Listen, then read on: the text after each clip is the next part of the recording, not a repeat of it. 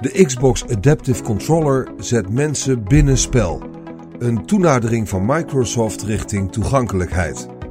Geschreven door Marcel Vroegrijk voor Laatscherm.nl. Ingesproken door Arjan Lindeboom. When everybody plays, we all win. Met die slogan sloot Microsoft zijn reclame over de Xbox Adaptive Controller af. Een spotje dat nota bene werd uitgezonden tijdens de Amerikaanse Super Bowl. Een mooi moment om het belang van toegankelijkheid onder de aandacht van miljoenen mensen te brengen. Het is heel makkelijk om cynisch te doen over de motieven achter reclames van commerciële bedrijven, maar dit keer niet. Dit keer is het bijna onmogelijk. In het filmpje is te zien hoe kinderen met een bepaalde fysieke beperking beter kunnen gamen dankzij de Xbox Adaptive Controller. Niet beter in de zin van dat ze meer kills maken, of wat voor graadmeter je ook denkt te moeten gebruiken. Gewoon beter. Of beter gezegd, met meer comfort op een manier die bij hun speelstijl past. De Adaptive Controller is sinds vorig jaar verkrijgbaar voor Xbox One en Windows 10 met een adviesprijs van 90 euro. Het apparaat is een soort hub waaraan je talloze accessoires kunt hangen. Die sluit je aan via aparte ingangen. Eén voor iedere knop die je op een standaard controller terugvindt. De richtingen van de vierpunts druktoets tellen als losse knoppen. In totaal bevat de controller 19 3,5 mm ingangen en twee USB-aansluitingen. Je zou er in principe 21 accessoires op aan kunnen sluiten. 22 als je de koptelefoon meetelt. Zo'n hub met allemaal aparte ingangen klinkt complex, maar een PlayStation 4, Switch of Xbox One controller is dat ook. Tel het aantal individuele knoppen maar eens. Als je geen fysieke beperking hebt, voelt het voor jou wellicht als tweede natuur om al die knoppen op het juiste moment en met genoeg kracht in te drukken. Maar gamen vereist een flinke dosis handcoördinatie en inspanning. En dat is lang niet voor iedereen mogelijk. Zeker niet voor een langere tijd. Dat brengt ons bij Paul van der Made, op laatscherm beter bekend als de gamer uit Gemert. We spraken hem al eens over zijn stichting Hyperks, waarmee hij zich inzet voor meer toegankelijkheid binnen games. Door de gevolgen van een hersenbloeding kan hij zijn rechterarm niet meer gebruiken. Paul gamet daarom veel op zijn pc, met behulp van een muis propvol knoppen die hij in zijn linkerhand houdt. Mede voor dit verhaal gaf Microsoft hem een Xbox Adaptive Controller om te testen. Ik nam een Xbox One mee, want sinds zijn hersenbloeding speelt Paul amper meer op consoles. Hij heeft ze sindsdien ook niet meer zelf in zijn bezit. De reden spreekt voor zich, maar wordt helemaal duidelijk wanneer Paul ons twee aan elkaar geknutselde Joy-Cons laat zien. Hij heeft van Nintendo een Switch te leen en heeft de losse controllers via een 3D geprint opzetstukje aan elkaar vastgemaakt, zodat hij ze met één hand kan gebruiken. Bij een Xbox One en PlayStation controller lukt dat moeilijk of niet. En als dat dan niet lukt, dan vallen ineens talloze games of zelfs hele spelcomputers af. In theorie verhelpt de Xbox Adaptive Controller dat probleem. In de praktijk ligt het wat genuanceerder. We willen graag met de Xbox One versie van Forza Horizon 4 aan de slag, maar daarin kun je niet zelf alle knoppen opnieuw indelen. En dat is wel nodig, want we moeten de gas- en remknop aan het nunchuk-achtige accessoire zien te koppelen dat Paul bij de Adaptive Controller heeft gekregen. En er zijn wel een hoop alternatieve indelingen, maar die bieden niet precies wat hij wil. We proberen nog om de hele knoppenindeling van de Xbox One om te gooien, maar ook dat lukt niet, want we kunnen logischerwijs de analoge triggers niet vervangen met digitale knoppen. Uiteindelijk selecteert Paul het profiel dat de gas- en remknoppen op zijn minst bereikbaar maakt, ook al zijn ze dan omgedraaid. Dankzij de twee gigantische knoppen op de Adaptive Controller manoeuvreert hij zich ook vrij snel door alle menus in het spel. En dan is het eindelijk klaar voor de start. Het duurde even, maar we zijn onderweg. Terwijl Paul met de nunchuk in zijn hand door het Britse landschap race, vertelt hij hoe fijn het is om weer vanaf de bank te kunnen gamen. Ook dankzij zijn creatieve oplossing voor de twee Joy-Cons van de Switch, waarop hij momenteel Super Mario Odyssey speelt. Paul is sowieso blij met ontwikkelingen als de Xbox Adaptive Controller, omdat er een grote doelgroep mee wordt bediend. Hij vertelt dat uit onderzoek van Microsoft is gebleken dat 8% van de Amerikaanse Xbox-spelers de standaard controller niet of slechts beperkt kan gebruiken. Het bestaan van de Xbox Adaptive Controller is in die zin al pure winst. Gabi Michel, die de leiding had over de ontwikkeling van de Xbox Adaptive Controller, vertelt dat de reacties vanuit de community overweldigend waren. De verhalen die het meeste voor me betekenen zijn die van gamers die nooit hebben kunnen gamen of een hele lange tijd niet konden gamen en dat nu wel kunnen. Of ik die verhalen nu ergens lees of ze direct hoor van mensen op een evenement, het blijft me altijd bij. Daarom hebben we deze controller gemaakt. Volgens Michel moest er een simpele oplossing komen voor mensen met een fysieke beperking. Een aangepaste gameopstelling vinden, kopen en bouwen is niet makkelijk voor gamers met een beperkte mobiliteit of voor hun verzorgers, aangezien zo'n opstelling vaak net zo duur of duurder is dan een spelcomputer en het in elkaar zetten veel technische kennis vereist. De Xbox Adaptive Controller is een broodnodige, simpele en betaalbare oplossing die heel veel aanpassingsmogelijkheden biedt en daarmee een breed scala aan behoeften ondervangt, vertelt ze.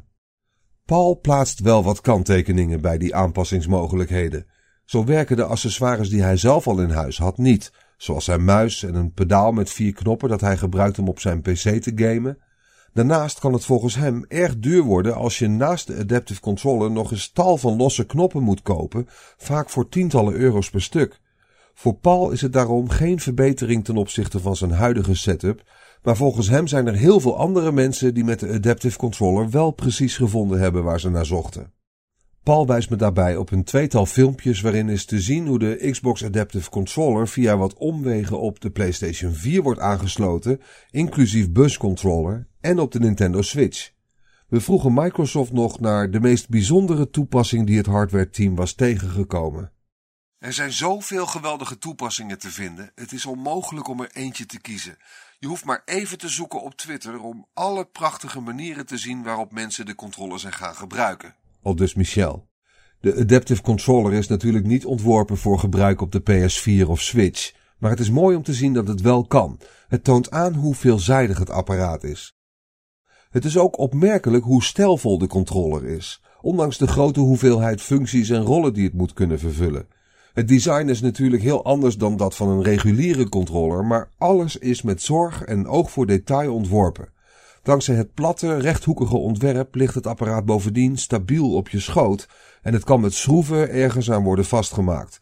Zodra je naar een standaard controller kijkt, snap je waarom dat belangrijk is. Die moet je in beide handen geklemd houden, met je duimen op de analoge sticks en dan nog wat vingers om de triggers, anders glijdt zo'n ding uit je handen. De Xbox Adaptive Controller is met een heel andere mindset ontworpen. Voor iedere knop een passende oplossing is de gedachte. Kun je met je vingers niet goed bij de triggers, maar bijvoorbeeld wel met je voeten, dan kun je pedalen op de Adaptive Controller aansluiten en daarmee de triggers bedienen. Ook de traditionele actieknoppen zijn te ondervangen. Bijvoorbeeld met van die grote losse knoppen die je misschien wel kent van arcadekasten.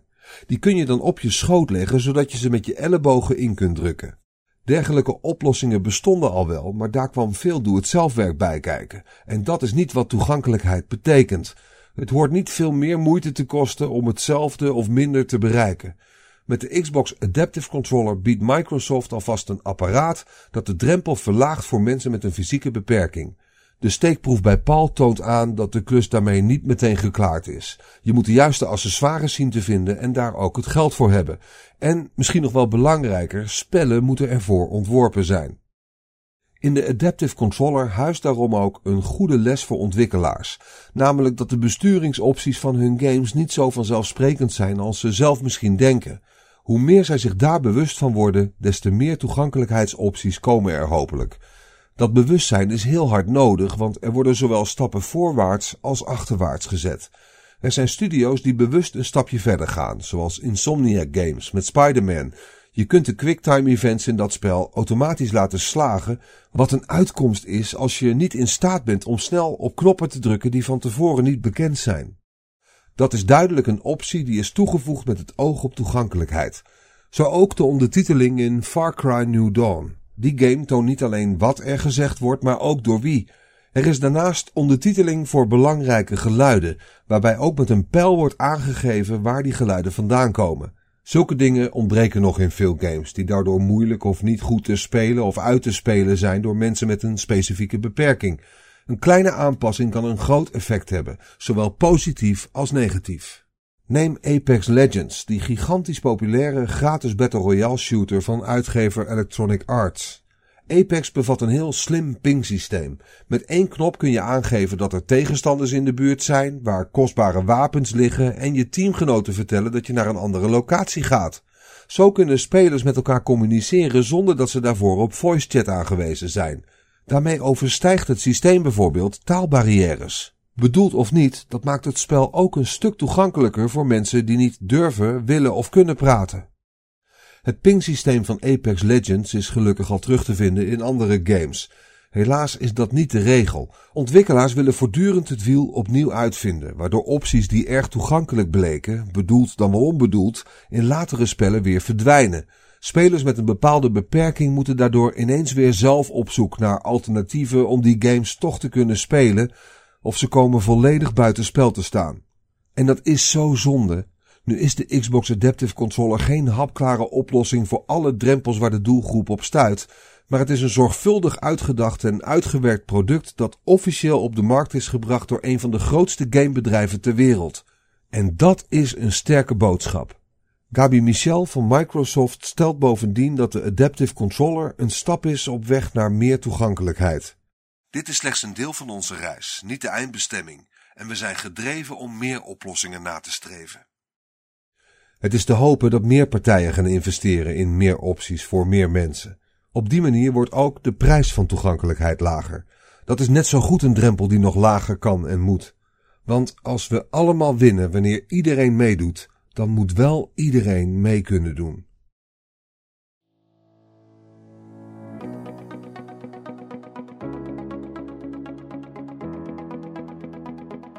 Dankjewel voor het luisteren naar deze aflevering van Laatscherm voorgelezen. Als je waardeert wat we hier doen, dan zouden we het leuk vinden als je iemand anders vertelt over Laatscherm.nl of een van onze verhalen deelt op social media. Laatscherm is ook te vinden via Spotify. Dat maakt het nog makkelijker om verhalen te beluisteren en te delen. Je kunt ook heel eenvoudig 5 sterren achterlaten in de podcast-app van Apple en eventueel een tekstje, waardoor we weer beter vindbaar worden voor anderen. Luister ook naar onze andere podcast, Praatscherm, en ga voor meer verhalen, geschreven of gesproken, naar laatscherm.nl.